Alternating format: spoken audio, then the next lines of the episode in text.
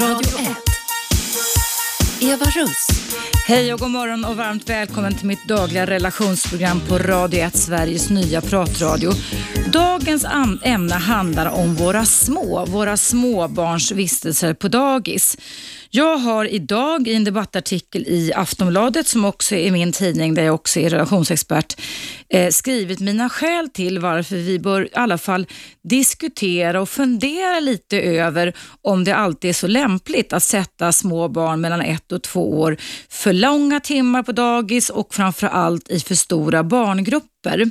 Eh, rubriken är visserligen då satt förskola för två års ålder kan skada barn och Det är inte skador jag pratar om. Eh, jag ska prata mer om att det kan bli en sårbarhet, en känslomässig sårbarhet hos vissa barn som inte riktigt pallar med det här, som kan också få avtryck i vuxna kärleksrelationer. För det är ju faktiskt så här att vi människor är, precis som många däggdjur, unika på det sättet att vi är beroende av att skapa och bibehålla känslomässiga band livet ut med våra föräldrar. Vi, oftast är det med våra mamma i första hand, men också med våran pappa. Och Det här är ett, ett system som ska skydda oss från att överleva. Som ska se till att när det uppstår någon typ av fara av något slag så ska vi ha en chans att kunna återgå till det man kallar för den trygga basen och den trygga hamnen. Och effekten av om ett litet barn får full tillgång under de första två, även kanske tre levnadsåren till mamma eller pappa. Det innebär att man kan alltså bli en hälsosamt barn, som kan bli ett hälsosamt vuxen och som därmed kan ha större och bättre förmåga att kunna knyta vuxna kärleksrelationer. Och Det är faktiskt så att när ett litet barn har liksom kommit ur det första, om man säger bebisstadiet vid ett års ålder, så det är då först som barnet börjar lära sig att kravla, att krypa och att gå. Och Det är då det är extra viktigt för ett litet barn att kunna ha sin mamma eller sin pappa som finns där som en trygg bas. Där barnet kan krypa tillbaka till efter att de har utforskat världen och känna att de liksom är trygga och beskyddade där när världen runt omkring känns läskig och alarmerande. Och Det har också visat sig i väldigt mycket forskning kring det här som har pågått inom psykologin sedan 1940-talet att barn som har haft ökad tillgång till en trygg hamn, alltså mer mamma och pappa under de första levnadsåren, har visat sig ha större grad möjligheter till att kunna bli entusiastiska, mindre stresspåverkade, mindre ångestfyllda och bättre problemlösare faktiskt, både som ett, två och treåringar. Och jag vill eh, påpeka detta att mitt ämne idag eh, är inte, jag är verkligen inte ute efter att skuldbelägga dig som är förälder på något sätt. Jag har själv tre vuxna barn och eh, åtminstone mina två yngsta söner som nu är 22 och 26 fick börja på dagis när de var ett lite över ett år. Men då hade inte jag den kunskapen inom utvecklingspsykologin och neurovetenskapen och psykologin, psykobiologin som jag har idag. Och Det är därför som jag vill slå ett slag för att diskutera och debattera och belysa med dig att vi bör ibland ta oss ett litet tankevarv. Jag tycker till exempel inte att det är vett vettigt att en liten ett och ett halvt åring ska vistas längre timmar på dagis än vad dess föräldrar jobbar. Det är inte vettigt och det är faktiskt så att en liten unge är kanske inte egentligen mogen för att kunna behålla kvar bilder av mamma och pappa tillräckligt länge när det känner sig rädd och larmad förrän runt treårsåldern. Eh, det här med känslomässig anknytning, det är ju någonting som vi i djurens värld, inte minst när vi pratar om våra husdjur, lägger en väldigt stor vikt vid när vi till exempel ska skaffa oss en hund eller katt.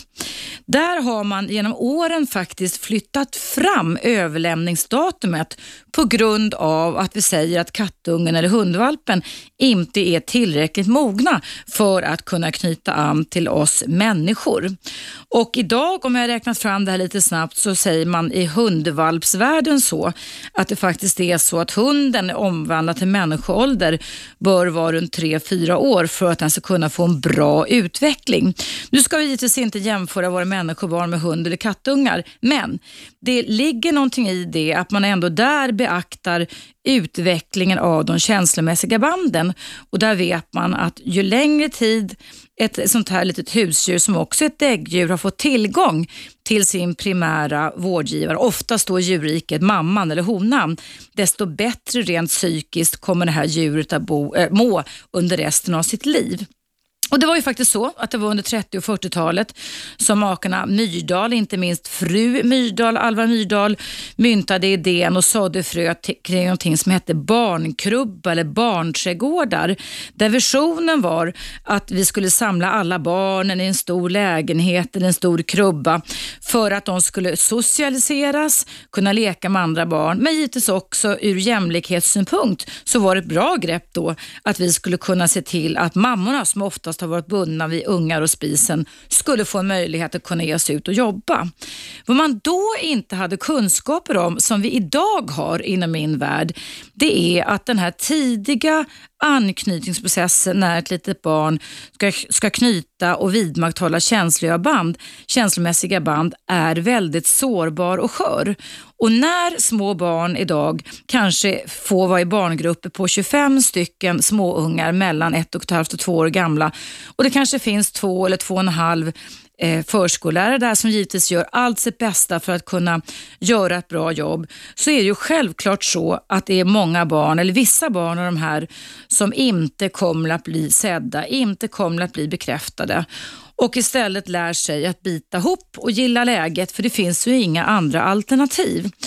Vad tycker du om det här ämnet? Vad vill, tycker du att vi ska diskutera kring det här idag? Har du egna erfarenheter och åsikter kring det här ämnet? Ring in till mig, numret är 0200 11 12 13. 0200 11 12 13.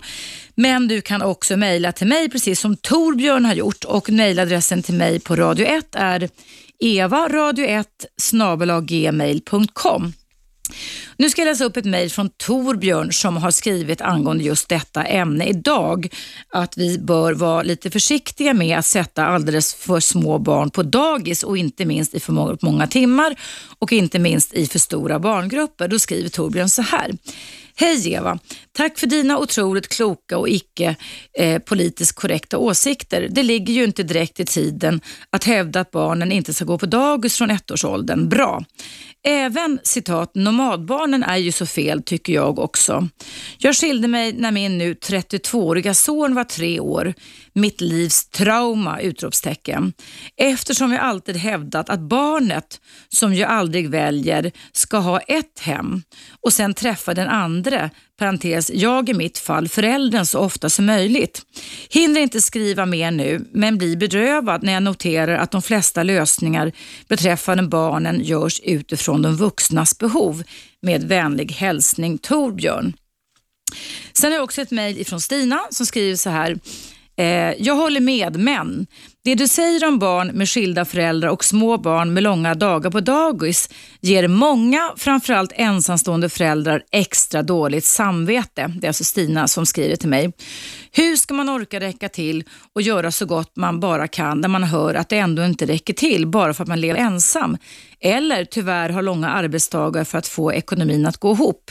Är inte kärlek alltid lika mycket värd? Tror du verkligen att några timmar längre på dagis eller skilda föräldrar kommer resultera i trasiga vuxna i framtiden? Är inte det viktigaste att ha en vuxen som visar kärlek och omtanke? Med vänlig hälsning Stina. Jo, Stina, jag håller verkligen med om att det absolut viktigaste för våra barn, det är kärlek och omtanke och att vi som föräldrar, både mamma och pappa eller om det är mamma, mamma och pappa, pappa, finns där för barnen och inte minst under de första barn, barndomsåren när barnet ska utforska världen. Och Varför jag säger det här, det är alltså inte för att ge dig som är ensamstående förälder extra dåligt samvete, utan det är att vi skulle kunna luckra upp våra tankar och även använda oss av den kunskap som finns idag som faktiskt talar för, eller man kan säga rättare sagt emot, att vi ska vara mer försiktiga med våra små vi bör inte, tycker jag, utsätta dem för jättelånga äh, dagisdagar. Jag har hört skräckexempel på småbarn som är ett och ett halvt, två år som vistas 10 till 12 timmar på dagis.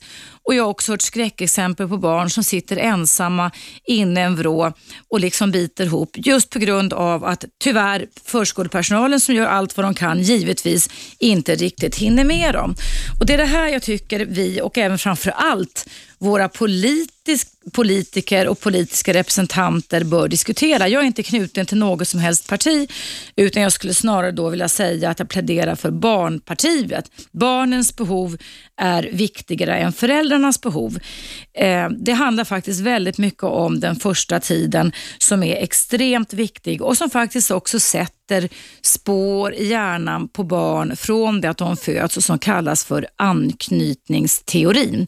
Och hur den teorin uppstod och det är den teorin som ligger som grund för min debattartikel i Aftonbladet idag. Det ska jag berätta för dig alldeles strax efter pausen som kommer nu. Vill du debattera det här med mig eller berätta hur du har löst det här och vad du har tänkt, vare sig du är förälder eller barn. Ring in till mig. Numret är 0200 11 12 13. Det är en liten paus nu på Sveriges nya pratradio Radio 1, men vi hörs efter den.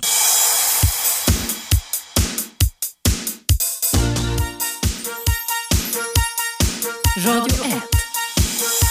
Eva Russ.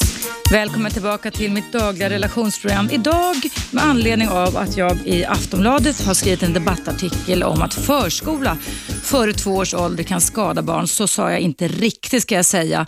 Men det handlar ändå om att vi ska diskutera och debattera om det verkligen är så lämpligt att man eh, direkt när barnet har fyllt ett år eh, ska börja fundera på att det ska behöva socialiseras. Det vill jag debattera och diskutera med dig idag och jag vill göra det därför att jag råkar vara expert på relationer och allting i livet handlar faktiskt om relationer. Från det att ett litet barn växer fram i mammas mage till det att det föds och från det att barnet föds så är vi relationssökande och relationsskapande varelser och huruvida vi får möjlighet att i lugn och ro docka, tanka, lägga till vid våra vårdgivare som är mamma och pappa, eller de som alltså står barnet närmast, så utvecklas vår självkänsla, vår självbild och vår förmåga att kunna hantera stress, kunna hantera problemhantering som också kommer följa oss som inre kan man säga arbetsmodeller livet ut.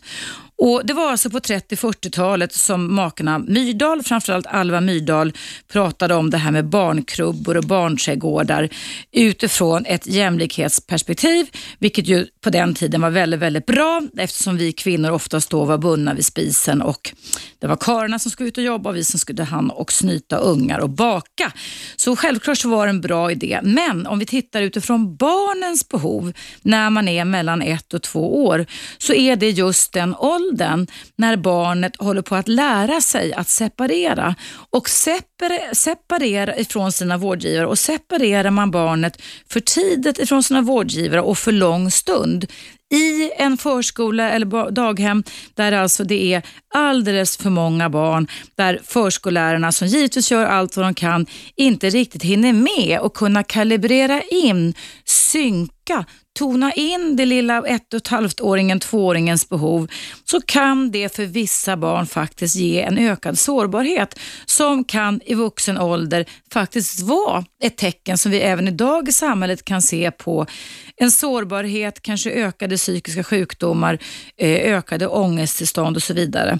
Och Det är det jag vill sätta fingret på idag och diskutera med dig. Och Jag ska berätta för dig som lyssnar en sak att Skälet till att jag tar upp det här, det är alltså att det under 1940-talet växte fram så gjordes en hel del jättestora undersökningar i USA och i England av framförallt en framstående eh, forskare som heter John Bowlby.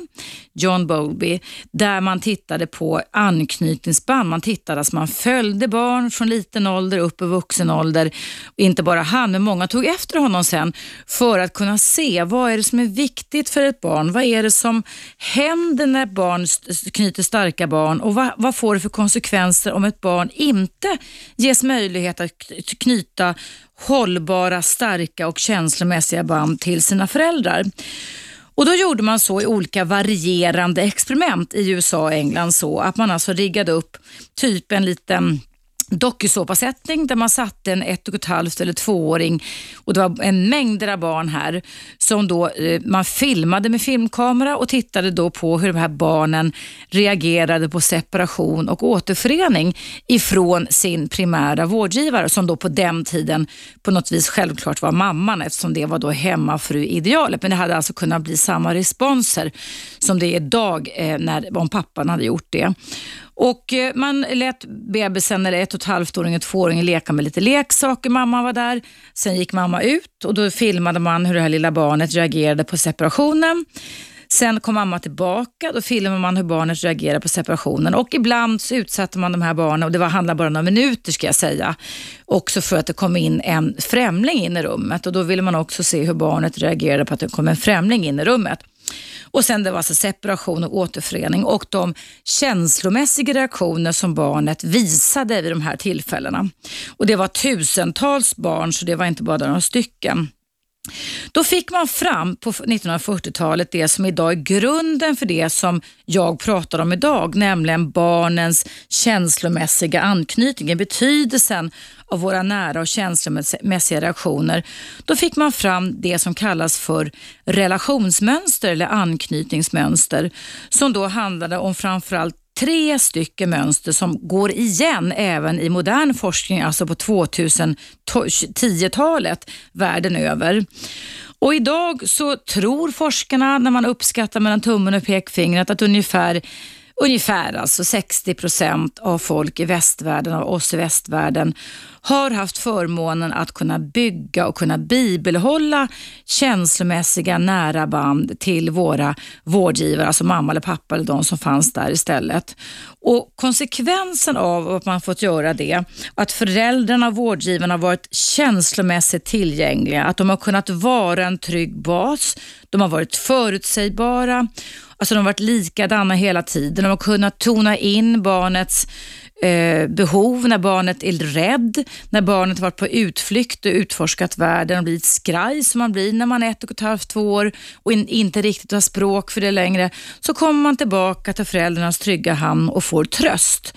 De barnen som har haft det på det sättet har alltså mycket, mycket större och bättre förmåga att kunna skapa sig en trygg trygg hamn i en vuxen kärleksrelation. de också, kan också leva längre mer, och skapa mer hållbara kärleksrelationer och skiljer sig faktiskt inte lika mycket heller som de barn som blir ungefär 40 procent. det här är alltså inte jag som har sagt de här siffrorna utan det är forskare inom anknytningsteorin som säger det. Så av de här tre modellerna så hittade man en som kallades trygg anknytning där ungefär 60 procent inte får några större problem varken med psykiska besvär, stresshormoner eller svårigheter att etablera, skapa och bibelhålla vuxna kärleksrelationer. Men den här longitudinella forskningen, alltså en långsiktig forskning från början på 40-talet som har sedan fortsatt under 50, 60, 70-talet ledde också till att cirkus, cirkus 40 procent, det kan ju vara 35, det kan vara 30 också, för vi har ju inte undersökt alla människor här i västvärlden från det att de var små, men man får ju predicera resultaten lite, hamnade i det som kallas för otrygga anknytningsmodeller eller otrygga anknytningsmodeller. Och Det ledde då till, inte att föräldrarna med avsikt var dumma och elaka mot, mot sina föräldrar, utan att föräldrarna av olika anledningar kanske inte hade tid med barnet, att de inte fanns där när barnet behövde tröst, när barnet upplevde att världen var läskig och, och skrämmande. Eller att föräldrarna själva kanske var lite otrygga i sig själva och oförutsägbara. Och Det kunde då leda till att det lätt blev liksom två olika typer av mönster av det som kallas för otrygg anknytning. Det ena mönstret handlar om att barnet eh, eh, trycker undan otrygg undvikande anknytning, att man hanterar känslor genom att i olika grader inte vilja kännas vid dem. Att man alltså trycker ner dem, man visar inte för mamma eller pappa att man är stressad. Man blir en giver, man kan bli en givare där man i olika grader kan vara andra till lags och där man också ofta nästan förnekar det här att det var jobbigt i de här studierna på 40-talet att bli separerad ifrån mamma. Och Däremot så märkte forskarna på den tiden att de barnen som i varierande grad inte reagerade adekvat på separation. För ett normalt beteende hos en ett och ett halvt, tvååring det är att man blir förbannad när mamma eller pappa försvinner. Men ju närmare man har kommit till någonting som heter objektskonstans, där barnet i huvudet kan hålla kvar bilden av att mamma eller pappa kommer tillbaka, desto snabbare gick sorgen över. För då kunde barnet trösta sig själv med att de vet inom sig att mamma och pappa finns där för dem. Och Det är runt två, ett, tvåårsåldern som det här objektskonstans börjar utvecklas. Eh, de barn som inte hade riktigt den förmågan kunde alltså då bli otryggt undvikande. Det kallas också för A-anknytning, avoidant, avoidant, undvikande på engelska och kunde alltså bli, sätta på sig ett leende för att kyla sin rädsla eftersom anknytningssystemet handlar om att skydda oss ifrån rädsla, att se till att våra barn får en bra överlevnadspotential, i alla fall när vi leder på savannen. Det andra eller tredje anknytningssystemet som också handlar om en slags ot känslomässig otrygghet kallas för otrygg ambivalent. Och Det kunde man se på de här barnen i de här dokusåpasättningarna på 40 och 50-talet att de var lite lätt förvirrade när mamma på en given signal gick ut och det handlade om två, tre minuter. Så man filmade hur barnet, ett och ett halvt, två, två och ett halvt år gammal reagerade på separation och återförening när mamma gick och sen kom tillbaka. Och De här barnen kunde å ena sidan bli otroligt tröst... Eh, det gick alltså inte att trösta dem överhuvudtaget. De kunde sitta vid den här lilla dörren i det här lilla rummet där man filmade allt det här och vara otröstliga. Och när mamman sen kom tillbaka så kunde de vända bort huvudet. Eller också så kunde de liksom hänga fast vid hennes fot och vägra släppa taget. Så det kunde vara lite mönster som kunde vara lite ambivalenta, alltså lite osäkra. Att det det var lite, man, visste, man, man, visade mer känslor än de som var otryggt undvikande. Men man var lite ambivalent, men man hade framförallt känslorna kan man säga lite mer utanpå. Det visades och ibland kunde det bli väldiga överreaktioner mot barnen då som man kallar för otryggt undvikande som då hade eh, mer att man stoppade ner dem, lite tryffelgås. Man är lite andra till lags, man blir en givare i varierande grader. Och I varierande grader så kan alltså båda de här otrygga anknytningsmönster som forskare på 40 och 50-talet och även idag världen över hänvisar till när vi pratar om psykisk hälsa och inte minst när vi pratar om förmågan att som vuxen kunna etablera, skapa och bibehålla starka känslomässiga band i våra vuxna parrelationer. Så ser man klar korrelation mellan vilken typ av anknytningsmodell ett litet barn har fått som barn och hur de här mönstren är väldigt stadiga livet ut och också kan skapa, skapa problem när eh, barnen sen ska gå in i vuxna kärleksrelationer. Men jag vill än en gång betona då att dagens ämne handlar om våra små, våra små ett tvååringar. Att jag ser faktiskt en fara med att vi sätter barnen på dagis för tidigt i för stora barngrupper eftersom barn mellan ett och två års ålder just är inne i en process som heter separationsprocessen och där de ska bygga upp mamma och pappas trygghet upp i huvudet som kallas objektskonstans. Och då kan det faktiskt vara riskfullt för en del barn om man sätts i för stora barngrupper eller om, om föräldrarna är borta för länge. Den bästa alla världar tycker jag skulle vara om barn idag kunde få börja på dagis för två års ålder. Det tycker jag skulle vara en helt fantastisk innovation. Och Det kanske du som är politiker eller politiskt engagerad skulle kunna lägga dig i debatten. Jag är inte det utan jag talar utifrån barnens behov, barnens känslomässiga behov. Vad väcker det här för tankar hos dig? Ring in, numret är 0200 11 12 13. Du kan också mejla. Jag har fått flera mejl här som jag ska läsa upp efter nyheterna som kommer nu. Och Mejladressen till mig är evaradio1gmail.com. Vi hörs efter nyheterna.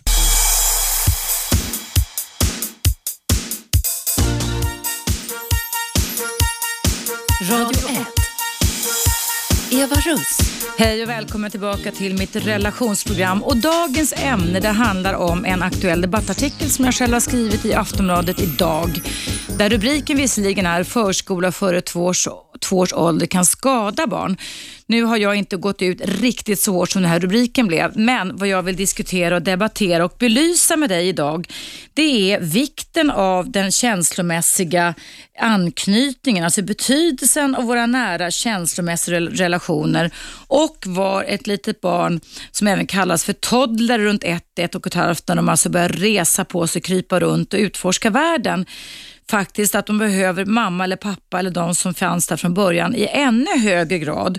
Och Då är det inte bra om man är för liten och börjar på dagis, speciellt inte som det är idag när förskollärarna och förskolorna går på knäna och barnen eh, kanske inte får bli sedda och bekräftade på samma sätt och speciellt också om barnen får vara på dagis alldeles för lång tid. Jag har förstått att det här inte är politiskt korrekt och jag är inte politiskt engagerad men jag värnar om barnen, barnens behov, barnens rätt till att kunna växa upp och bli känslomässigt stabila människor.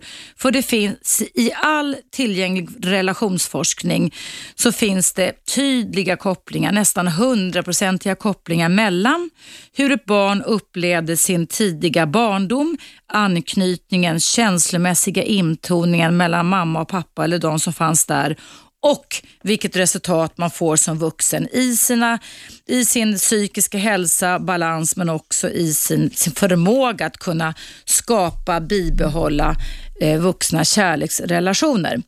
Eh, jag har Lisa på tråden. Hallå Lisa! Hej! Hej! Berätta vad det här ämnet idag väckte för tankar hos dig. Jag har en vän som är 35 år ungefär idag. Mm. Och han kom på dagis när han var fem månader. Oj, det var väldigt tidigt. Varför gjorde han det? För föräldrarna var unga och fattiga, de var tvungna att jobba. Oj, var det väldigt unga föräldrar eller? Ja, de var väl runt 20 ja. Oj, oj, oj.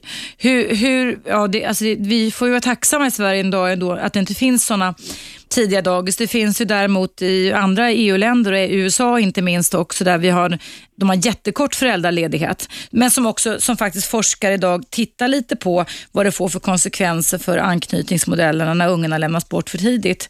Vad fick det för konsekvenser för din vän då? Ja, han hade ju noll kontakt med sina föräldrar och han hade självmordstankar.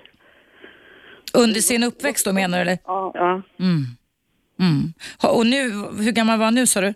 Nu är han runt 35, 36. Han, han bor i Paris nu. Ja, och har han någon känslomässig kontakt med sina föräldrar? Inte, inte mycket. Nej. Nej, har, har, du tänkt på det här utifrån det perspektiv jag tar upp idag tidigare, Lisa? Ja, jag, jag, ty jag, tycker det är fruktansvärt att se de där stora kullarna som går till dagis varje dag. Föräldrarna går hem från dagis och tittar på sin, sina app, sina data, ja, sina fjärr, vad heter det, mobiler. Mm.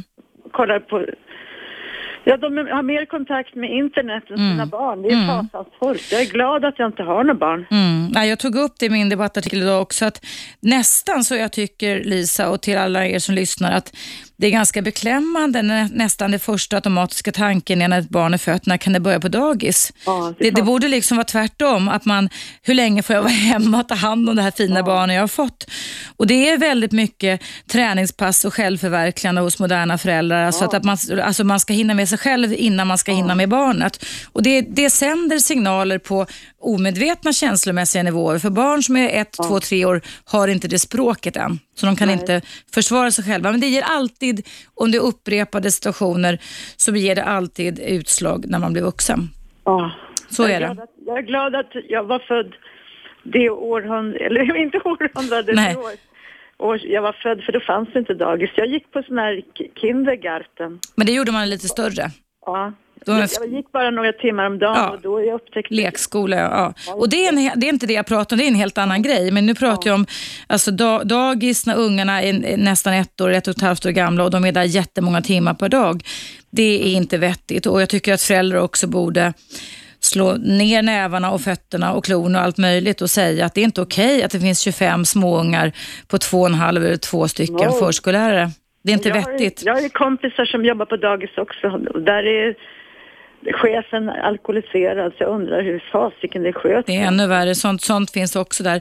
Du Lisa, tack så jättemycket för att du lyssnade ja. tack för din åsikt. Ha en jättebra dag. Hej, hej. För att. Hej ja, tack, hej, hej.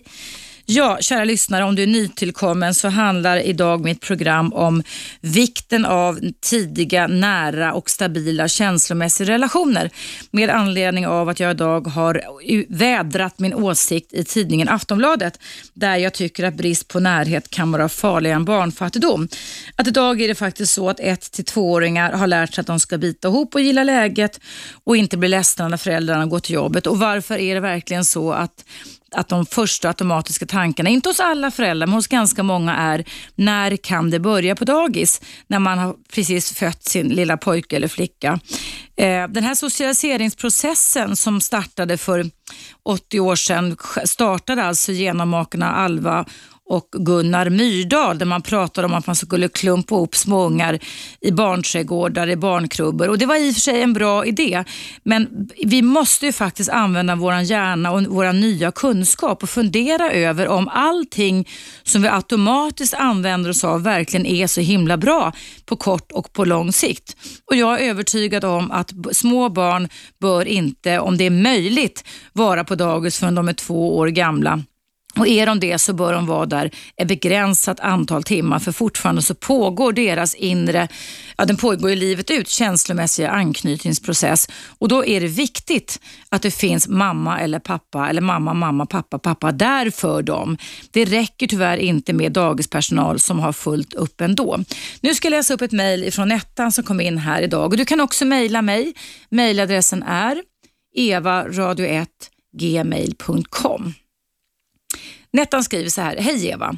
Jag håller med dig fullt. Vet inte om det blivit sämre ekonomiskt, men jag har varit ensamstående mamma till två döttrar sedan de var riktigt små.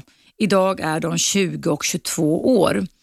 Jag jobbade deltid upp tills de var 8 och 10 år. Och visst hade vi det knapert, men det gick runt. Vi hade ju i alla fall tid med varandra. Vi bodde lite trångt, jag sov i vardagsrummet, men det är ingen som tagit skada av det och tjejerna tycker de haft en fantastisk barndom. Hellre fattig och ha tid än att ha tid och ändå taskigt med pengar. Nettan. Ja, tack för det mejlet Nettan. Där har vi en idé i alla fall. Man kan så ett frö att det kanske är så när vi skaffar barn och vi inte är gjorda av pengar att det ibland kan faktiskt vara så att den känslomässiga närheten är mycket, mycket viktigare än alla prylar och allting som vi ska ge barnen. För det är nämligen så att en barndom kommer aldrig igen. Allting som vi upplever sätter sina spår på en känslomässig nivå och när vi pratar om tidig barndom, alltså 0 till 3 till 4, 5, 6 år, så räfflas alla erfarenheter in i hjärnans minnessystem och leder till att ett litet barn skapar sig olika så kallade arbetsinre arbetsmodeller som fungerar som någon slags sanningar hos barnet när det växer upp och som i mångt och mycket har att göra med hur de ser på sig själva. Hur värdefull var jag? Hur duglig jag var? Hur mycket tid hade mamma och, mamma och pappa egentligen till för mig? Nu ska jag läsa upp också ett mejl från Anna. Hon skriver så här.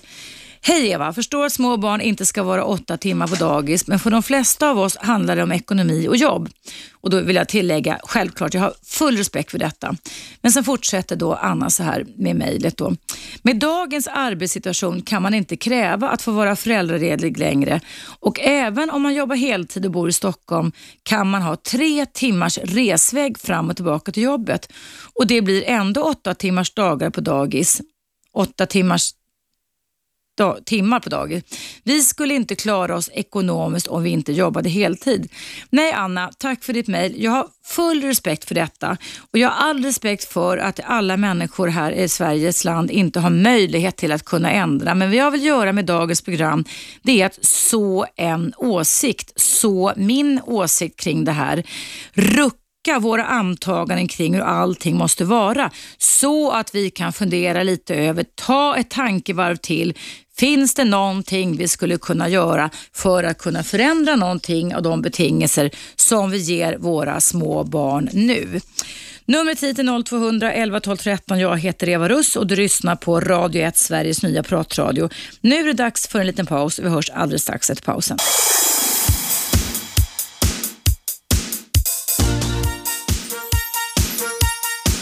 Radio 1. Eva Russ.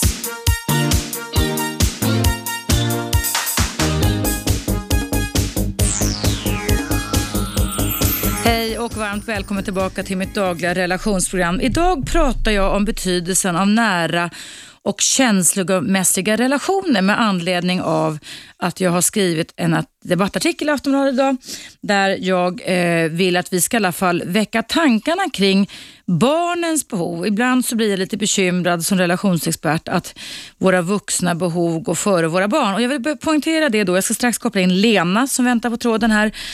Att jag har all respekt för att ekonomi givetvis styr väldigt mycket och också om man är ensamstående så har man inget alternativ. Och det är just precis det som Lena är som ringde in nu. Hallå Lena! Hej. Hej! Du berättade för mig att du är ensamstående mamma till en liten åtta månaders bebis. Ja, precis. Är det en pojke eller flicka? En flicka. En flicka. Grattis får jag väl säga. Det var roligt ändå, eller hur? Fast du är ensamstående. Ja, absolut. Bästa som finns. Har, har du varit det hela tiden eller? Ja, precis. Jag har varit det hela tiden. Så. Det, det finns ingen pappa så att säga, eller? Nej, precis. Okej. Han finns inte i bilden alls. Nej. Och eh, som jag sa innan, jag är ju sjuk, har varit sjukskriven många år innan så min hela penning är ju väldigt låg. Det Så förstår jag. jag. har tagit ut ja, pappadagen fullt då, hela veckan och den Mm. är ju väldigt låg. Den är på 4200. Ja. Och eh, nu så måste jag tänka om för att min sjukskrivning går ut också det här året och min föräldrapenning går ut när hon är, ja vad blir det? Tio månader tror jag. Ja. Jag har tagit ut alla dagar. Mm. Och eh, ja, jag har ju ingen val liksom. Jag får ju lämna henne tidigare än vad jag ville. Men finns det, Lena, dagis idag för tio månaders bebisar? Eh, nej. Jag tror inte att de, det är väl på grund av det. så. Vad, vad gör du då? då? Hur ska, har du anhöriga omkring som kan hjälpa dig? Eller? Ja, det blir väl så att man får liksom leva så här knapigt i två månader och sen så får man ju liksom, som jag sa, lä- lämna henne men ja, det var ingenting jag vill. Jag, jag, jag mår jättebra av att ha min bebis med mig. Mm. Om, du kunde, om du kunde få önska oavsett ekonomin, då, vad skulle du önska då? Hur länge skulle du vilja hemma då, Lena? Ja, kanske två och ett halvt, tre år kanske. Mm.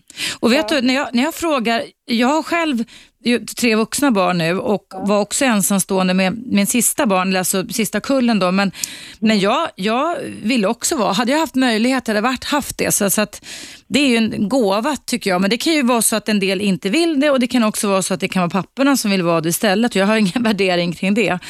Ja, Men, nej, men kan du jobba igen då? Alltså är du så pass frisk utifrån din Nej, sjukskrivning? det är jag ju inte, men jag menar, nu när man har fått barn, alltså hon kommer ju nummer ett för mig. Ja, Jag sätter ju allting åt sidan, alltså. det är bra. Det är hennes framtid och, och hennes som, som kommer först. Mm. Och måste jag, eh, ja, måste jag jobba eller måste på något sätt få ekonomin så att hon kan få en bra uppväxt så, så får jag ju göra det. Men jag Mm. menar, ni som är två, alltså de som är två personer och ty- tycker att ja, ekonomin inte funkar men ja, det finns många som, till exempel ensamstående mammor som lever riktigt, riktigt dåligt alltså. Mm. Det är nästan fattigdom, alltså. Mm, Till, mm. till fattigdom. Mm.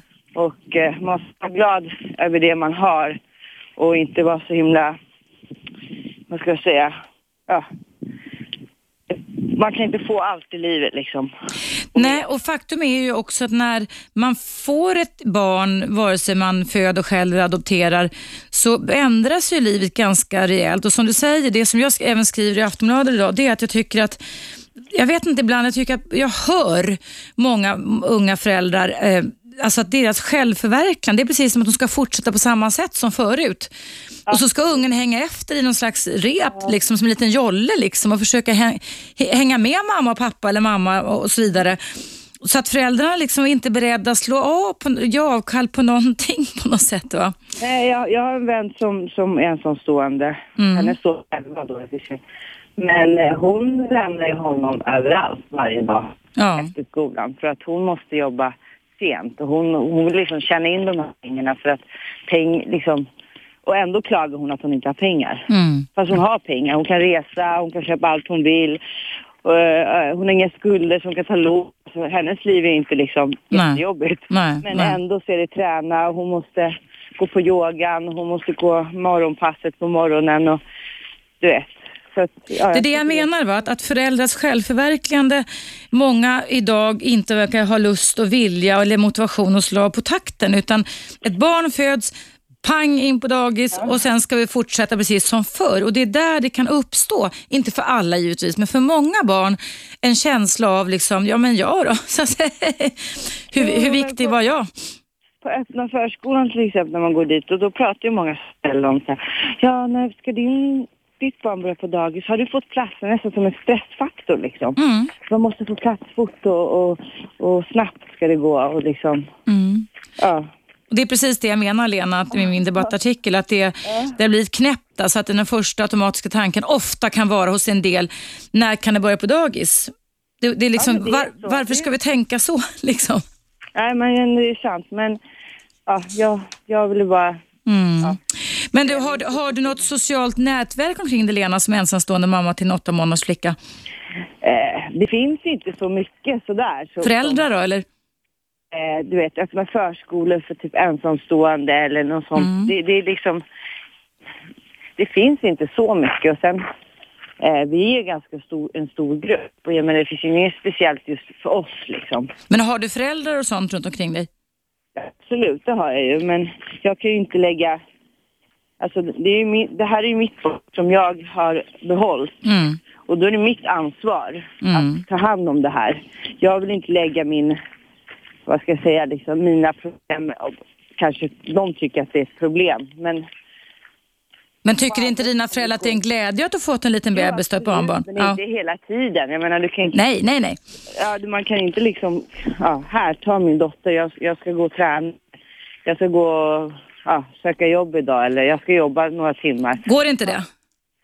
Jo, visst går det, men jag Mm. menar, då lämnar du ändå bort, jag vill ju ha henne med mig. Jag Fast, vet du, ju- där, fast där, där tänker jag att där skulle det egentligen vara ganska bra, för ditt barn är ju anknutet till dig. Och det tycker jag att du skulle, det, det tar inte barnet skada av, speciellt inte om det är anknytningspersoner typ, som, finns, som finns där. Det har jag gjort med min, mina tre barn. Haft en mamma så att säga, som, som har ställt upp jättemycket och de har fått jättebra anknytningar so far, i alla fall vad jag vet av detta. Va? Det tror jag inte du ska vara orolig för alls, utan det är det här när du byter vårdare, förstår du? När det kommer nya människor och Människor, ja. folk är Och sjuka. Jag Och, får bara ångest när du... ja, ja, det är inte meningen, men jag vill att vi ska... Nej, men jag menar lämna bort henne. Jag, vill Mm. bara, jag tänker bara när hon kommer börja gråta. Jag kommer ju dö liksom. Mm. Men se över och se, finns det där du bor någon typ av möjlighet till bidrag eller fonder eller vad det nu kan vara? Sociala myndigheten finns det, men jag menar... Kyrkan har fonder också har jag hört, är det att säga. Jo, jo, det kyrkan och det finns fonder man kan söka och så. Men man kan inte leva på det hela livet. Alltså, livet ser inte ut... Nej, nej, men under de här första sköra åren i alla fall försöka på något sätt, Lena, eller hur? Det kommer jag göra. Det kommer jag göra. Jag kommer, det, det, måste jag göra för hennes skull. Liksom. Mm. Men det kan vara bra om du alltså har ett nätverk av mor och farföräldrar eller mo- morföräldrar i första hand så ska du absolut inte ha dåligt samvete om du vill gå och träna någon stund. Du är ju ändå hemma och knyter an till din lilla flicka hela tiden. Ja. Det är snarare så att du kanske kan få mer energi att få lite avlastning. För det är jag, själv, jag har själv varit ensamstående i nio år med tre barn. Min yngsta var tre då och, och, och äldsta var tretton. Och, och vi, jag fick försöka jätte- jättemycket men, men vi hade kul ändå. Nej, men man kan ha jättekul. Jag har jättekul med henne. Ja. Ja. Jag, jag mår bra. Vad är härligt. Vad heter lilla flickan? Lena också. Hon heter Lena också. Ja.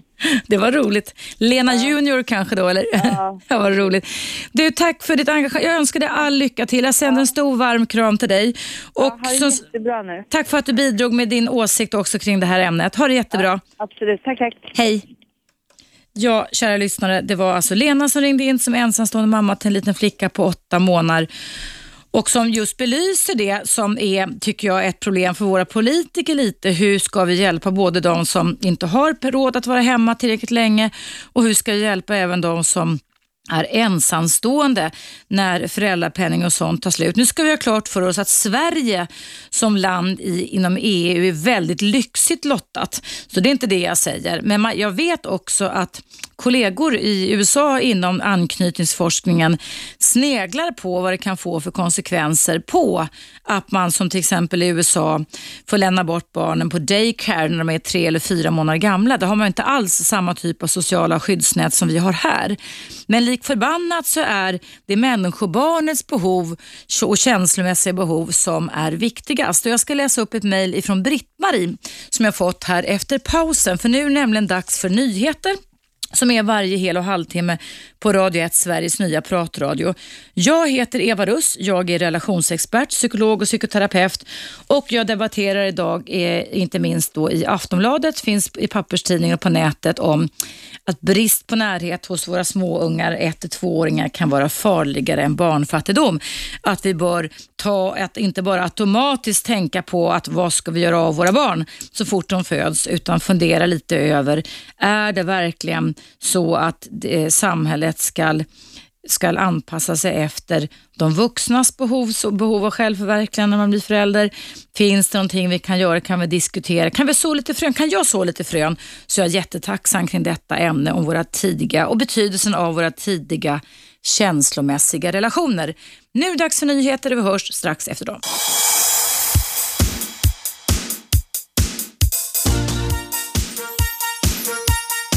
Radio 1.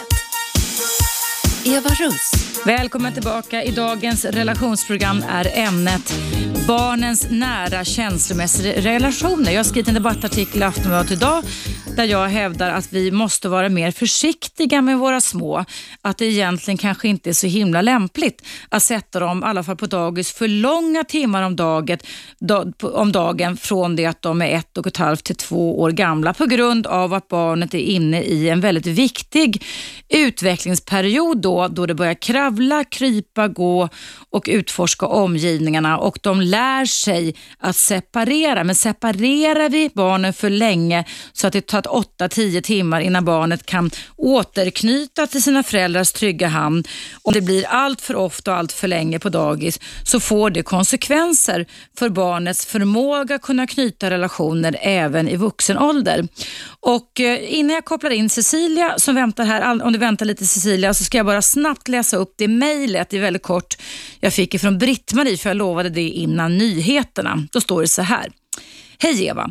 Jag är adopterad och bodde på barnhem till sex månaders ålder. Hade sedan min mamma hemma tills jag var sju år. Ändå blivit en anpassande människa, en givare eh, situationstecken. Mina egna barn har jag varit hemma med tills de var fyra och ett halvt respektive två och ett halvt. De är nu 17 respektive 19 och verkar må väldigt bra. Det går bra för dem med det mesta de företar sig. De har väldigt stark självkänsla. Hör till saken är att jag har varit sjukskriven sedan tio år tillbaka på grund av depression och bipolär sjukdom. Men mina barn verkar inte ha tagit stryk av detta. Jag hoppas och tror att jag trots allt gjort rätt mot dem.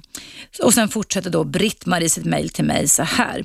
Politikerna borde ge hemma hemmavarande föräldrar lön istället för att bekosta dagis, i alla fall minst de första två åren. Kramar tack för ett underbart program. Du är suverän. Med vänlig hälsning Britt-Marie. Tack Britt-Marie. Det var kul att du lyssnade på programmet och hade det här inlägget. Man behöver inte tycka exakt som jag heller, för det här är ju en åsiktsradio. Radio 1, Sveriges nya pratradio. Och nu ska jag prata med Cecilia. Hallå! Hallå! Hej, välkommen till mitt program.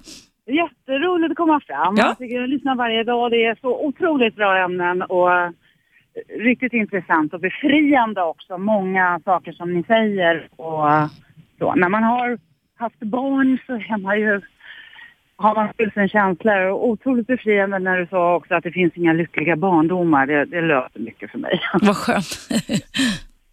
Angående din artikel så tycker jag eh, har jag också reagerat på det. När mina barn, jag fick tvillingar när jag var 19 år. Oj. Oj. Och, men, men jag klarade det jäkligt bra. Jag måste säga att, att eh, jag tyckte, jag tänkte nog så som du. Att, att jag drog på att lämna in dem på dagis. Eh, jag tyckte det var väldigt tidigt att lämna in dem eh, när det var dags. Utan jag sparade på dagar. Och sen jobbade jag faktiskt inte heltid förrän de var upp till sju, åtta år. Vad härligt. Var det ensamstående då Cecilia? Eller? Ja, det var jag. Ja. Jag var ensamstående redan från början. Wow, och så fick du du- dubbel skörd. Men det är väl häftigt också? Jag har fått tvillingar kan jag tänka mig. Jajamensan. Vad är det för kön på barnen? Det var en tjej och en kille, Ja. Hampus och Freja. Vad roligt. Hur gamla är de nu då? Nu är de 28 Wow. Och eh, jag blev farmor i januari och blev mormor nu i juni så de får alltså barn samma år. Äh, vad roligt. Jag, jag har också ett litet barnbarn ett på gång. Visst är det kul? Ja, jättespännande och omtumlande. Jag känner mig inte redo för det här. Men det är kul alltså. Det är kul. Du är, du är en ung mormor och farmor också förstår jag. Ja, ja. Men, men det här, är ett, eh, det här dagens ämne tycker jag är rätt viktigt och, och det här med att folk är, har svårt att trappa ner på takten när, när det kommer in nya saker i livet. Det tycker jag är genomgående. Mm. Själv jobbar jag med hundar och det är samma sak. Att eh, många skaffar hund och så forcerar man valpstadiet och så lämnar man in på hunddagis eh, klockan halv åtta på morgonen och hämtar halv sex. Det, det är ju eh, inte samma sak men det, men det är ju också det finns någon parallell i Ja men du, jag tänkte Cecilia, jag sa ju det i inledningen, det kanske inte du hörde, att när det gäller hundar så har jag hört att man ibland flyttar fram överlämnandedatumet på grund av att den hundvalpen inte mår bra av att för tidigt skiljas från sin mamma. Absolut. Och att det motsvarar nästan tre människor eller någonting sånt där. Tre, fyra, stämmer det eller? Ja, så, det är- så är det. Och vad tycker du när det gäller hundvalpar? Det är ändå ett däggdjur, men det är klart att vi kan inte jämföra oss med hundar. Men jag tänker, Jo, det kan man för att de är otroligt bundna till sin familj. Om man jämför med vargar så lämnas val- vargvalparna aldrig ensamma. Utan det stannar alltid någon lekfarbror eller lektant kvar hos valparna när eh, flocken går ut och jagar. Men aldrig ensam. nej. Och vad säger du, vad säger du när, när, hur gammal kan en hundvalp vara att ta skada när den lämnas på ett hunddagis för tidigt? Då? Vilken ålder då ungefär har du sett som jobbar med hundar? Som regel eh, under sex månader ska man inte lämna bort en hundvalp. Rela- att de har den här anknytningsfasen som du också pratar om med människor. Den, den går ju snabbare naturligtvis med hundar så de lever mycket kortare. Men, men eh, under sex månader definitivt inte och jag tycker det är tid. Och du, är, är det så att man säger att det går eh, sju hundår på ett människor, någonting sånt där? Eller? Ja, det, man kan ungefär dra så. Om vi, om vi räknar fram då, eh, Cecilia, vad, hur många månader blir det för en människobarn då? Och sex månader, sex månader hund, hund? Ja, men då är man ju tre, tre och ett halvt år då. Ja, det var ungefär det jag räknade fram bara sn- sen snabbis i morse. Ja. Så att jag tycker att man kan dra en parallell. Och vad händer med hundvalpar om de skiljs för tidigt från sin mamma och lämnas på hunddagis för tidigt? Vad får man för beteendemässiga konsekvenser hos hundvalpar? att de eh, mer eh, de tappar anknytningen till eh, flockledaren eller familjeledaren och eh, börjar titta på de andra hundarna, hur de gör. Mm. Mm. Alltså så formas, om man lämnar in en hundvalp för tidigt på hunddagis så formas de mer av andra hundar Mm. än av flockledaren. Mm. Och det är faktiskt nästan identiskt med vad jag säger också kring ankny- anknytningsmodellen med våra barn så att säga. Ja. Är inte det ganska spännande? Det är spännande och det är det jag tycker är bra när man kan, eller jag i alla fall har den kunskapen att vi måste flagga. Men jag, menar, jag satte mina tre barn, inte min dotter som är 31 nu, men mina två pojkar satte jag för tidigt, enligt mitt tycke idag på dagis. va. Men, men jag menar, gjort är gjort, men då hade jag inte den kunskapen som jag har idag som re- relationsexpert. Nej, exakt. Men sen har jag all respekt för att alla inte förmår och inte kan, men man kan så ett frö, börja fundera på lämpligheten i alla fall. Och finns det någonting man skulle kunna göra för att kunna skjuta upp den här starten lite så tror jag det skulle kunna bli bra för barnen inte minst. Och du nämnde också att man kan söka pen- pengar, eh, fonder. Det, det, det tycker jag vill jag absolut slå ett slag för, för det har jag också gjort. Mm. Hela köksbordet var fullt av papper i början av året. Jag hade stenkoll på alla ansökningsdatum. Det var jättejobbigt och man får ta kopia och skicka in och passa alla de här tiderna. Men jag kunde ändå skörda i, i sju, åtta års tid eh, runt 10 000 om året. Fantastiskt, som ensamstående tvillingmamma. Ja. Exakt, till födelsedagar, sommarupplevelser och julafton. Det är ju sådana saker som man söker till. Mm. Och det är skattefria pengar och det är alltså räntan på de här stora fonderna som delas ut varje år. Och, och söker man inte dem så, så ligger de bara där. Mm. Så det ska vi verkligen slå ett slag för, för de som har det knapert och de som inte minst är ensamstående, eller hur? Ja, och kyrkan, absolut. Kyrkan ger, eh, bemöter en jättebra. Mm. Och sen tycker jag också, något som jag skulle nog ha gjort och som jag råder andra till nu, som jag själv skulle ha behövt, en avlastningsfamilj om man är ensam. Mm. Men det är inte så himla lätt att hitta. Antingen ordnar man det privat eller så, så kanske samhället skulle kunna hjälpa en med det. Mm. Men en avlastningsfamilj så att man får andas ibland. Mm. Det är jätteviktigt, för annars orkar man inte riktigt vara, i alla fall inte om man är ensamstående, både mamma och pappa, så att säga, hela tiden. Och hur mycket man än älskar sina Mm. barn så kan man också bli kvävd av att hela tiden ha det här ansvaret. Mm. Och det blir konsekvenser eh, efterhand. Och, och barnen är... Det tar ju lång tid innan barnen är färdiga. 20 år tycker jag. Ja, det, absolut. Innan man kan börja liksom andas ut. Ja, människobarnet är extra extremt sårbart och extremt lång tid knutet. Mycket mer än vad alla andra så kallade däggdjur är i djurvärlden faktiskt. Ja, vi är otroligt sena. Men vi, vi bryter anknytningen lite för tidigt och det var det min debattartikel handlade om idag, att vi ska tänka oss för lite. Ja, det blir konsekvenser. Mm. Ja. Du, tack Cecilia, för, vad kul att du kom fram till mig idag. Jag hoppas att du vill fortsätta lyssna på programmet. Det är ju nya ämnen varje dag som du kanske har märkt. Ja, då, jag lyssnar hela tiden. Jag tycker det är jättespännande. Vad kul att höra. Jag- sitter faktiskt i bilen nu med, med fullt med hundar så jag ska sticka ut i skogen nu. Ja, vad, vad har du för hundraser du tar hand om eller föder upp? Eller? Allt möjligt. Salig blandning? Jag har tio hundar här i min skåp. Åh, herregud. Iväg. Att de är tysta i bakgrunden då. De, Ah, jag borde höra lite gny i alla fall. det låter skithärligt det där. Hör du. Ha det jättebra idag. Tack för att du ringde in och dina synpunkter också. Tack, hej då. hej. Ja, kära lyssnare, du lyssnar på Eva Russ i mitt dagliga relationsprogram och ämnet handlar alltså om att vi bör vara rädda om våra små. Är det verkligen så vettigt att man med en automatisk tanke när barnet är fött ska fundera på när man ska placera in den i institution? Små barn hävdar jag som är mellan ett och två år behöver inte socialiseras, det sköter de själva. De behöver faktiskt ha större tillgång, stor tillgång och fortsatt tillgång till sina vårdgivare under året mellan ett och ett halvt och två års tid. Och då kan det för en del barn vara extra sårbart och känsligt att man lämnas alldeles för länge på dagis när man är i den åldern mellan ett och två år och i alldeles för stora barngrupper. Där förskolepersonalen som givetvis gör allt vad de kan för att hjälpa och möta barnens känslomässiga behov givetvis inte kan hinna med alla barn och då finns det några barn som kommer att falla mellan stolarna och som lär sig att bli en givare och lär sig att bita ihop. Vad tycker du om det här ämnet? Ring in till mig 0200 11 12 13. Nu är det en liten paus och vi hörs alldeles strax igen.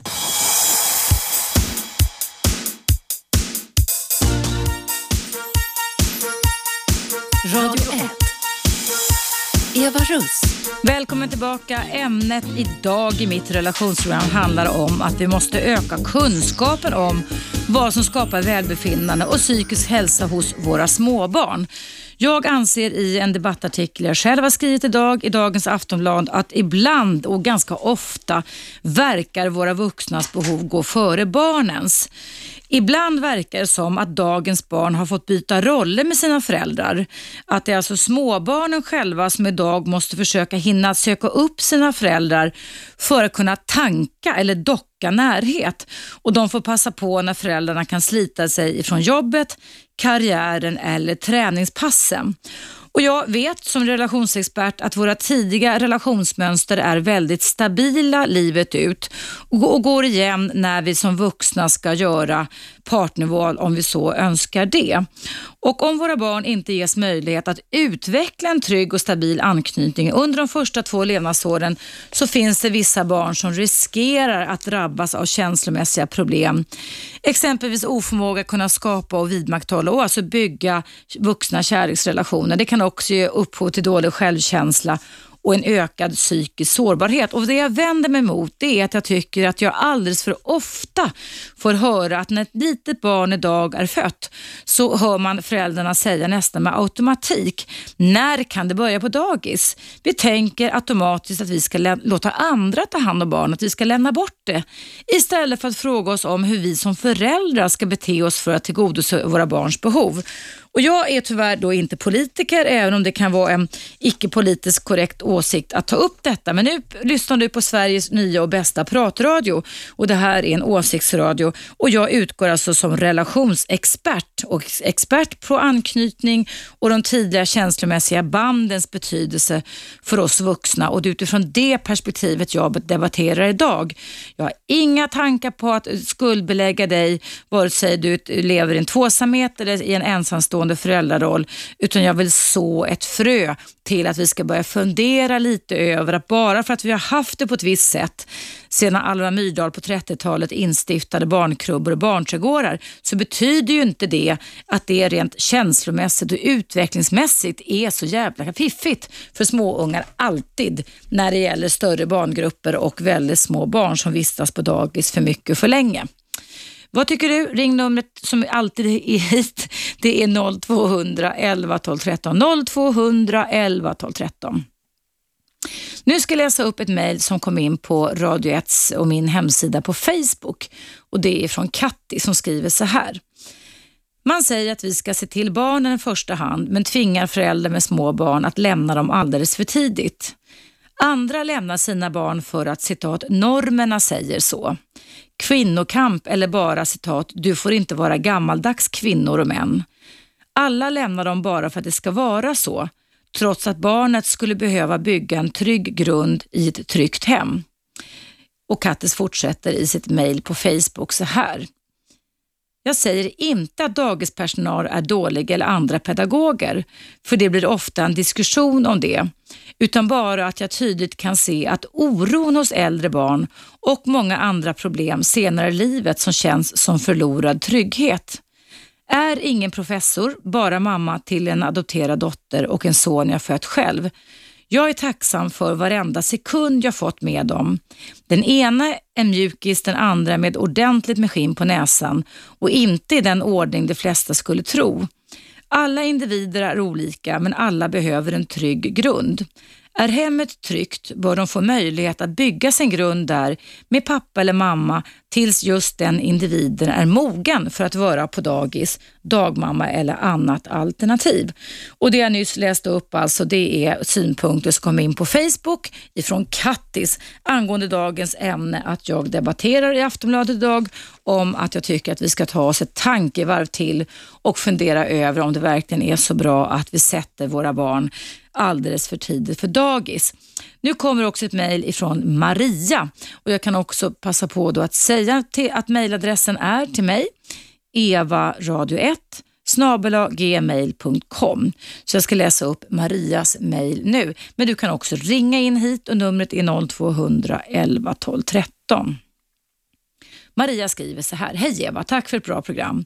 Som småbarnsmamma är jag förvånad över det klimat som råder för tillfället.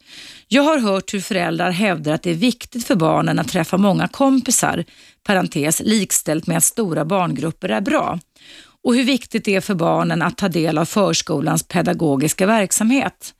Vi har valt att låta vår dotter gå hos en dagmamma. När folk hör att de bara är tre barn där, där totalt ställer de sig undrande till om vår dotter verkligen får tillräckligt med social aktivering! Utropstecken, utropstecken. Och sen fortsätter Maria. Det låter som att folk tycker det är bättre med större barngrupper, vilket är helt främmande för mig. Jag är också övertygad om att det finns många fall där föräldrar ekonomiskt sett kan gå ned i tid eller vara hemma längre med barnen, men väljer att jobba heltid för sin egen skull, parentes karriär, eller för de extra pengar som alltid är ett plus. Men är det verkligen ett plus om barnen får längre dagar? Det tycker inte jag med vänliga hälsningar Maria. Tack jättemycket Maria för ditt mejl och ditt engagemang i dagens ämne som alltså handlar om våra små barn och om det verkligen är så att vi med en automatik, när ungarna är födda på BB redan, är det många som redan börjar fundera på när vi ska kunna sätta dem och börja socialiseras. Och små barn behöver inte socialiseras.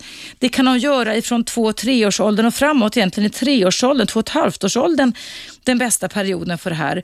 Små barn skulle i den bästa av alla världar få en chans att kunna vara hemma med de vårdgivare som finns vare sig man är ensamstående eller lever i en hetero eller homosexuell relation, så är de första åren avgörande för hur föräldrarna har förmåga att bygga och vidmakthålla och tona in barnens känslomässiga behov. Och Det är helt vridet tycker jag när man hör talas om småbarn idag som alltså i farten, som en liten jolle, får försöka hänga efter och hinna med att mamma och pappa ska hinna ge dem en kram. När föräldrarna ägnar sig åt självförverkligande och tittar på klockan och har iPoden framför sig och eh, Facebooken på och ska springa på dagis och självförverkliga sig själva. När man får ett litet barn så är det barnets behov som ska komma före föräldrarnas. Vi föräldrar får faktiskt lov att stå tillbaka. Det handlar om ett par viktiga år i barnens liv och väljer man att skaffa barn så måste man ha mentalt förberett sig för det här. Det är min starka åsikt faktiskt idag. Mm. Nu fick jag det sagt. Nu ska jag ta en liten paus och läsa upp vad Elisabeth säger. Det kommer från Facebook idag. Elisabeth har mejlat till Facebook för Radio 1 hemsida och skrivit så här. Jag har haft tur. Innan vi skaffade barn bestämde vi oss för att jag skulle vara hemma och njöt av detta i fem år. Vi var så många mammor hemma och träffades ute i ur och skur. Samtidigt var jag skogsmulle. På kvällarna tog maken hand om barnen när jag hade, mak, hade make-up på beställningar. Make upp på det, när jag hade make-up på beställningar. Maken hade högre lön och jag gjorde hemlagad mat med långkok ibland och bakade bröd, bullar. Men ingen kvinnofälla för mig, säger då Elisabeth i mejlet till mig. Jag njöt av varje dag och barnen var trygga och är det än idag.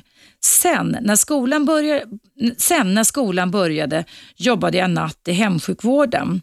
Började plugga mer och fick min utbildning och gjorde karriär. Jag har väl haft tur att få ha den glädjen undantagsvis! utropstecken. Så både maken och jag ser idag att det var bra som vi gjorde. Mm. Tack så mycket Elisabeth. Det här tycker jag var ett bra exempel på hur man kan lösa det. Och som du även själv skriver så var, handlar det inte om någon slags förtryckt hemmamamma. Utan det här var någonting som ni kom överens om. Men självklart kan man ju ändra på könsrollerna så att eh, du är ute och jobbar på dagarna och maken är skogsmull och tar hand om barnen och så vidare. Det gäller att hitta en Eh, anpassningsförmåga som utgår ifrån barnens behov. Hela vårat liv och våran, våra, våra, hela alltså människans tillblivelse och överlevnad på denna jord har handlat om anpassning och det är fel när små barn tvingas anpassa sig till föräldrarnas behov när inte barnens behov går före föräldrarnas. Det är det jag vänder mig mot idag och vill diskutera med dig. Och det gör jag med råge i dagens debattartikel i Aftonbladet som du även kan kommentera där. Den finns även på webben just nu och jag har hört att det är hög aktivitet på den just nu. Nu är det dags för nyheter på Radio 1, Sveriges nya pratradio. Ämnet handlar alltså om hur vi ska värna om våra små barn och att det ibland är ganska riskfyllt att vi sätter dem på dagis under för lång tid och med för många utbytbara förskollärare och stora grupper i alldeles för tidig ålder. Barn behöver inte socialiseras, det är en myt som Alva Myrdal spred på 1930-talet och som vi faktiskt behöver riva upp. Numret är 0200 11 12 13. Vi hörs efter nyheterna som kommer här.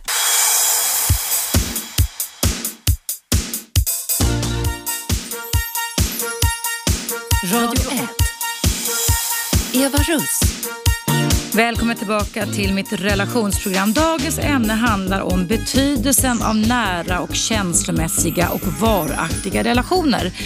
Det finns forskning som har dammats av de sista 10-15 åren världen över som faktiskt visar att barn behöver ha en trygg hamn och en trygg bas under de första en, två, tre åren, ja livet ut egentligen, men det är under de första en, två, tre åren som barnets olika känslomässiga system utvecklas och ska klickas igång av de som står barnet närmast. Det handlar om att skapa och vidmakthålla relationer, för vi är relationsinriktade varelser och all forskning visar att det kan få för vissa barn allvarliga konsekvenser om ett barn inte får möjlighet till att knyta och vidmakthålla starka band. Och Jag har idag eh, stuckit ut näsan och hävdat min åsikt i en debattartikel som har väckt ganska stor uppmärksamhet i Aftonbladet. Jag ska också chatta på Aftonbladet blev det bestämt nu klockan tre idag om du vill se mina ord för varför jag säger detta. Jag vet också att jag har stöd av ledande barnprofessorer i barnmedicin som har hävdat under många, många år, eh, bland annat Hugo Lagerkrans, att barn under två år bör faktiskt inte börja på dagis. Men självklart är, finns det en verklighet och jag är inte ute efter att ge dig som förälder ångest eller skuld, skuldkänslor eller dåligt samvete, utan egentligen så här är det här en slags politiskt eh, tänkande och väckande som jag skulle önska eftersom detta faktiskt då är en åsiktsradio. Och Jag tycker själv att det är väldigt befriande eftersom jag har väldigt mycket kunskap inom just sånt som bygger relationer. Så vet jag att de här tidiga barnaåren, även hos en liten toddler som är alltså ett och ett halvt till två år gammal, kan behöva ha mamma och pappa pappa mer närvarande än det faktiskt kan bli om barnet vistas alldeles för länge på dagis i för stora barngrupper så är det vissa barn som kommer att få sota för detta och som kommer att få problem med sig själva, alltså sin självkänsla och självbild och även med olika typer av stresssymptom och ångestsymptom när man är vuxen. Men allting handlar givetvis både om genetik och känslomässigt samspel. Så det är svårt att säga exakt vem det här kan drabba. Men jag kan berätta för dig att jag är välutbildad då psykolog och psykoterapeut. Jag har alltså mer än 12 års akademisk utbildning. Och varenda vuxen person jag har mött genom åren som söker för någon typ av psykisk eller psykiatrisk åkomma så gör jag och många av mina kollegor i min värld per automatik ett test eller en profil som kallas för anknytningsprofil.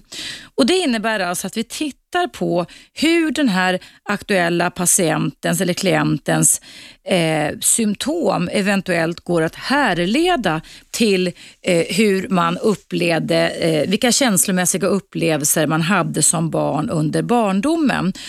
Och Det är faktiskt så att det till 90 procent är så att man kan hitta förklaringen till varför människor kan må dåligt som vuxna. Inte alltid, men det är ganska väldigt, väldigt hög eh, procentfaktor också kring att det kan handla just om att det blev lite för lite av den känslomässiga intoningen hos de som stod barnet närmast. För det är ju nämligen så att det här känslomässiga bandet, det är inte bara hos oss människor unikt, utan det är också nog så viktigt även i djurvärlden. Och tittar vi på våra närmsta husdjur, hundar och kattar, kattar, vad säger, hundar och katter, hundar och katter heter det, så är man väldigt noga med att flytta faktiskt fram överlämnande datumet, alltså när man ska klippa bandet till sin mamma eftersom eh, hund eller katt, hundvalpen eller kattungen kan fara illa rent psykiskt. Den mår inte bra om vi klipper de här banden för tidigt. Och Det är ju faktiskt så att anledningen till att vi har dagis och förskola, vilket självklart är jätte, jättebra, mina tre vuxna barn har också gått i det, det var att det fanns en tes på 1930-talet, inte minst av Alva Myrdal, som hävdade då att barn behövde socialisera sin tidiga ålder och därför så myntade hon då, och det var bra på den tiden så länge man inte hade kunskaper om de tidiga anknytningsmönster, barnkrubbor och barnträdgårdar. Och det var ju ett sätt i jämlikhetssträvan att kunna frikoppla morsorna framförallt ifrån att sitta hemma och vara bundna vid snoriga ungar och spisen. Men då hade man inte den här kunskapen om psykologin, om de känslomässiga delarna som spelar en stor roll för oss som vuxna människor. Inte bara när vi är barn utan även under tonåring och under vuxentiden. Och det är faktiskt så att anknytningen startar från det att ett litet barn är fött. Det har också visat sig, jag la ju mig i debatten här kring en viss känd sångerskas automatiska tankar efter två veckors adoptivmammaskap att hon automatiskt skulle styla om sin lilla dotter som var nyss fyllda tre. Att det kan ta alltså uppemot två år när man adopterar ett barn innan den här anknytningsprocessen har blivit hel. Alltså innan man kan prata om att det har uppstått den här förälskelsen mellan föräldrar och barn.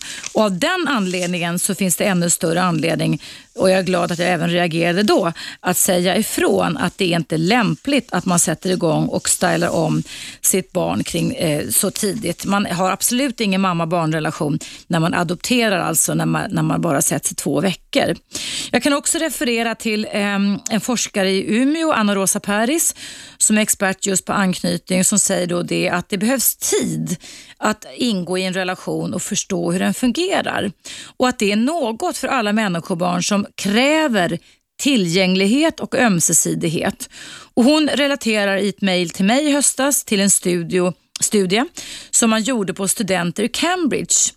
Eh, där man, alltså studenter, alltså vuxna människor, där man kunde visa att det tog två år innan själva studenten i en så kallad farosituation vänder sig till sin partner före någon av föräldrarna. Så alltså när vuxna Cambridge-studenter var utsatta i en studie för en slags rädsla eller farosituation som forskarna eh, inducerade så tog det två år innan studenten vände sig till sin partner före någon av föräldrarna. Och vi pratar alltså om vuxna unga kan man säga.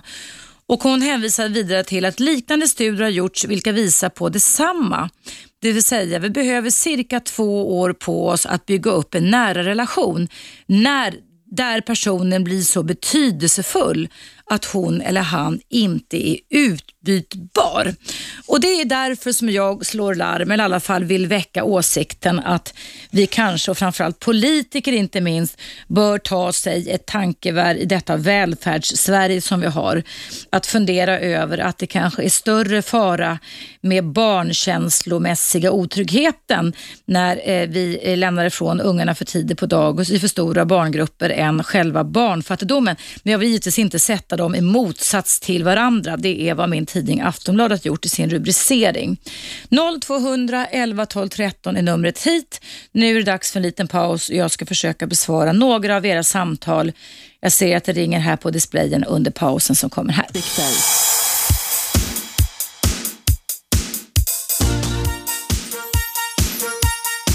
Radio 1.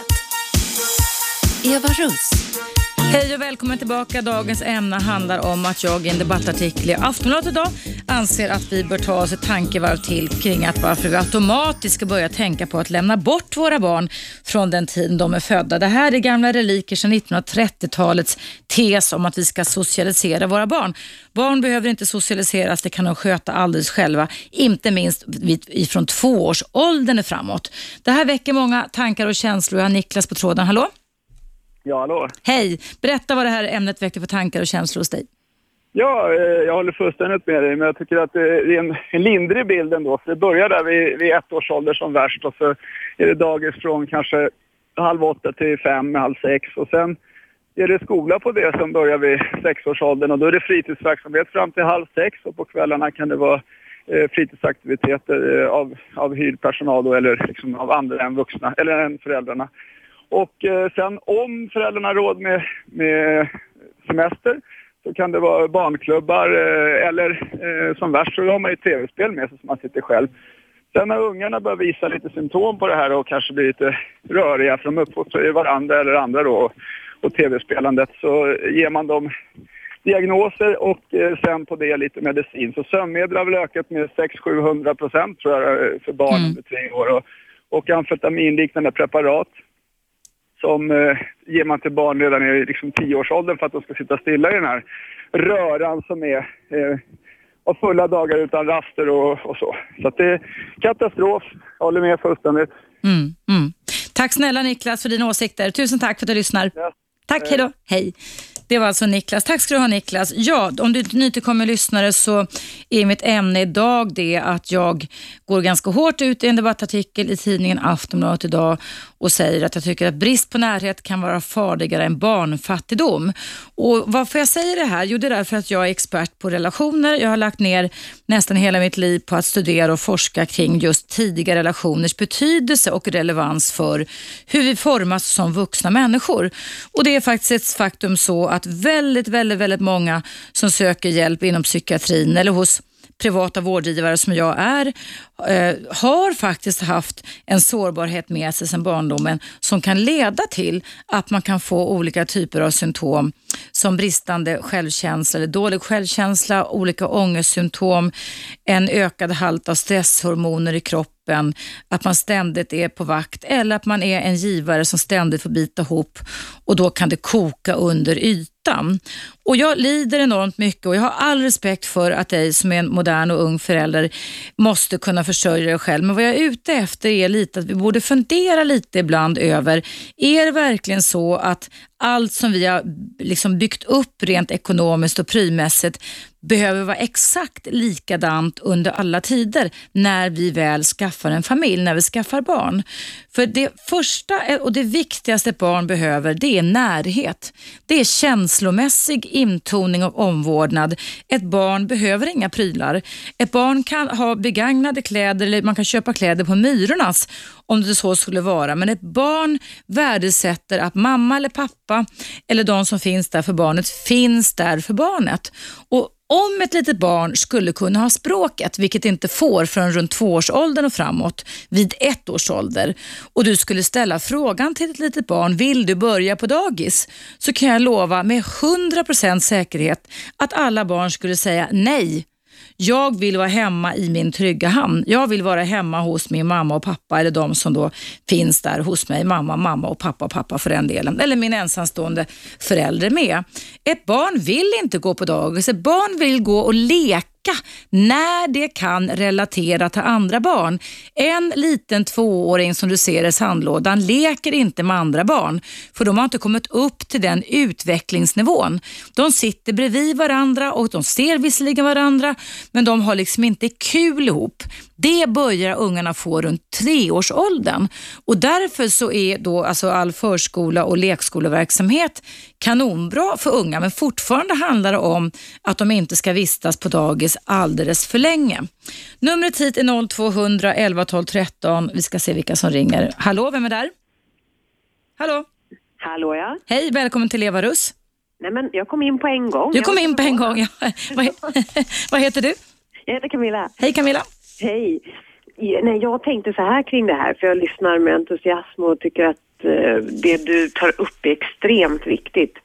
Många gånger så känns det som att vi, vi pratar om samhället och säger att det är samhällets bild på hur vi ska vara och hur vi ska leva som, som, som gör att, att vi gör sådana här livsval, att vi lämnar barnen tidigt och, och på något sätt bortser deras behov och sätter våra som vuxna, våras behov före. Mm.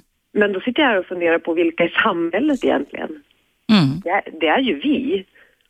Och att, att du som kan ta upp sådana här saker som har möjligheten att skriva eller vara en offentlig person och, och, det är fantastiskt. Men jag tror att vi andra som också är en del av samhället måste, måste höja, höja blicken lite grann och se att vi också kan påverka genom att rösta på rätt kommunpolitiker och så vidare. Att vi liksom lyfter det här till, till en, till en högre nivå, mm. alla tillsammans. Mm, mm. Har du barn själv, Camilla?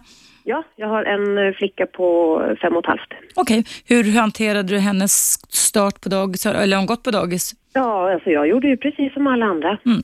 Och det är väl just det som jag själv sitter och funderar över. Hon var väl ett år och fyra månader någonting. Och det var alldeles, alldeles för tidigt för henne och det märkte jag på en gång. Mm. Och då är man liksom inne i systemet så det är svårt att backa på det också. Ja, det är ju det. Vad jag reagerar på är när jag ser småungar som alltså står alldeles ensamma ute i parken i något hörn i sandlådan och som är ett och ett halvt år gamla. Jag såg det i vintras, ja. inte minst i Vasaparken gick förbi där. Och det är, alltså personalen gör ett fantastiskt jobb, så det är ingen kritik mot nej, de som nej. jobbar med det. Men de står där sammanbitna med ledsna ögon för att ingen hinner med dem. Och de, en del protesterar när mamman eller pappan lämnar och en del bara står i ett hörn i timmar. Ja, alltså det är inte vettigt. Det är inte vettigt. Nej, det är ju inte det. Och sen så kan man ju säga så här, vissa barn har ju lättare att anpassa sig till den här dagismiljön. Alltså Absolut. lättare vid våra vuxnas ögon. Mm. Vissa, vissa reagerar så som ja, det här barnet som du beskriver. Det finns en känslomässig sårbarhet och man tror, jag vet inte om du hörde det Camilla, att i västvärlden så tror man att cirkus 60 inte är så sårbar om man säger så. Mellan 40 eller 35-40 kan riskera i alla fall att bli det. Och Det är det som jag vill flagga för, att relationer är allting i livet och de grundläggs väldigt tidigt. Mm. Och, och om föräldrarna eh, inte kan förstå att deras självförverkligande måste komma andra hand, Eh, att man kanske får dra ner lite på vissa saker, att man inte har ungen på dagis när man ska gå och träna och sådana saker. Ja, nej, jag, jag, lyssnar, jag lyssnar på hela programmet mm. och, och det är ju det samhället vi lever i. Mm, ja, visst, Det är, visst. Den, det är den bilden vi, har, eh, vi lever efter. Ja, och som sagt var å andra sidan så i, i Frankrike och i England och i Tyskland så har man inte alls lika lång föräldraledighet. Så att det har jag all respekt för med och USA är ännu kortare. Men faktum är att i USA kan berätta för dig Camilla och andra som lyssnar så håller faktiskt anknytningsforskare på att titta lite på, om man tänker så, vad är typiskt för en amerikan Camilla? Alltså nu ska vi bara, jag vill bara bolla lite med dig. Oj. Ehm, Om man bara tänker lite på liksom det här, Stor. Ja precis. Och lite self-made man. Va? I, I am by myself, jag kan klara mig själv. Liksom, eller hur? Att man ska vara stor och stark lite sådär. Va? ja, men det är väl lite deras korta historia och så. Ja, ja, absolut. Va? Men, men vad anknytningsforskare då sneglar lite på och säger sådär, eh, det är ju det att det kommer ju lite och att man blir self-reliant. Alltså man, I'm a self-made man or woman, jag litar inte på någon annan. Det har faktiskt en del, för en del personer med anknytningsmönster att göra. Är det så? Japp, att det var, ingen, det var ingen större idé att jag relaterade till andra för de fanns ändå inte där för mig. Så det är lika bra att ta saken i egna händer. Sen kan vi ta saken i egna händer ändå. Jag är en self-reliant person som har haft en bra anknytning till mina föräldrar och jag har tre syskon och så vidare. Men, men man sneglar. Alltså jag läser forskningsrapporter varje dag eller varje vecka i det här ämnet och man, man har liksom lite teser kring det här i alla fall. Och det ska bli jätteintressant, säg kanske om 10-15 år, att få ta, ta del av all den här världsomfattande forskningen. Vad spännande. Det är spännande. Jag, måste, jag måste få nämna att i dagsläget så har jag en dotter på, på fem och ett halvt och jag har valt, valt att ta tjänstledigt från jobbet för nu är hon, nu är hon ganska gammal. Mm. Men, jag, men jag kände att det behövdes. Har du varit hemma med henne hela tiden eller? Nej, hon går hos dagmamma några timmar om dagen men, men jag vill ha mer tid. Så fint av dig tycker jag. Det tycker Ja. jag är moget och bra. Du får en applåd här av mig. Det, nej, men jätte, andra också vågar göra det. Ja, att det är Det är jättebra att komma med lite kreativa förslag på vad man kan göra. Och, och, och Faktum är att det är inte alltid så att utlandsresor och allting sånt där och nya mobiltelefoner är nummer ett, utan det är den känslomässiga relationen som är nummer ett för våra barn, om de ska få, bli, få bra och väl fungerande vuxenliv. Tycker jag med. Tack snälla Camilla för din åsikt och tack för det du gör mot lilla flickan. Trevligt. Ja, tack, tack detsamma. Hej, hej, hej. Ja, kära lyssnare, tiden börjar rinna mot sitt slut. Eh, det har blivit en bra debatt här idag. Eh, debatten fortsätter på Aftonbladet klockan tre där jag ska debattera detta och jag kommer säkert dyka upp i några andra medier. Men jag dyker ju upp här imorgon igen och då är det ju så att jag har mitt relationsprogram varje dag. Måndag till fredag mellan klockan 10.00 och 12.00. Och är det så att du kom in lite sent i programmet idag så kan du alltså lyssna på webben ikväll klockan 22.00 till 24.00 kan du lyssna på reprisen av det här programmet som idag alltså har handlat om våra, tid, våra barns tidiga relationer, att bristen på närhet, som jag säger i Aftonbladet idag, kan vara farligare än barnfattigdomen. Och Det är väldigt många som har hört av sig idag. Jag är jättetacksam för det. Jag har också fått väldigt många mejl och du kan också fortsätta efter att det här programmet är slut och mejla till mig. Och Mejladressen är då evaradio1 snabel a gmail.com. Eva radio 1 snabel a gmail.com. Så kan jag ta upp och läsa upp de mejlen som jag får längre fram vid ett annat tillfälle. För imorgon är en annan dag och då är det också ett annat relationsämne. Men nu är det också så att nu kommer min vän och kollega Hasse Aro in i stu- studion. Hej Hasse! Hej hej. Och Det betyder att det alldeles strax är dags för ditt program Efterlyst special som börjar här klockan 12.00. Vad ska du ta upp idag Hasse? Vi har två ämnen idag. Vi ska börja eh, med att och fortsätta kanske man ska säga när det gäller Peter Mangs eh, som misstänks för serieskjutningarna i Malmö. Jag har polisen Börje Sjöholm med mig som berättar lite grann om bevisläget och hur det är för en polis att jobba med sån här lång utredning och när den tar slut och sådana saker. Och sen går vi in på dagens debatt. Är det okej med civil olydnad? Är det okej att eh, båda ett, eh, ett, eh, en isbrytare som skedde förra veckan utanför Öland till exempel? Är det okej att planka på tunnelbanan? Om det är okej, vad, vad är då inte okej? Eh, Vem avgör vilken civil olydnad som är okej eller inte? Det där ska vi prata om. Det var spännande. Då det, vet du vad som kommer här alldeles strax efter mig. Eh, så lyssna och stanna gärna kvar och lyssna på Hasse Aro alltså i Efterlyst special som börjar alldeles strax här efter nyheterna som kommer nu klockan 12.00. Och därmed så sätter jag punkt för mitt program idag. Jag tackar alla er som har ringt in och lyssnat och varit engagerade i dagens ämne. Vi hörs imorgon igen. Ha en bra dag. 101,9 Radio 1. Sveriges nya pratradio.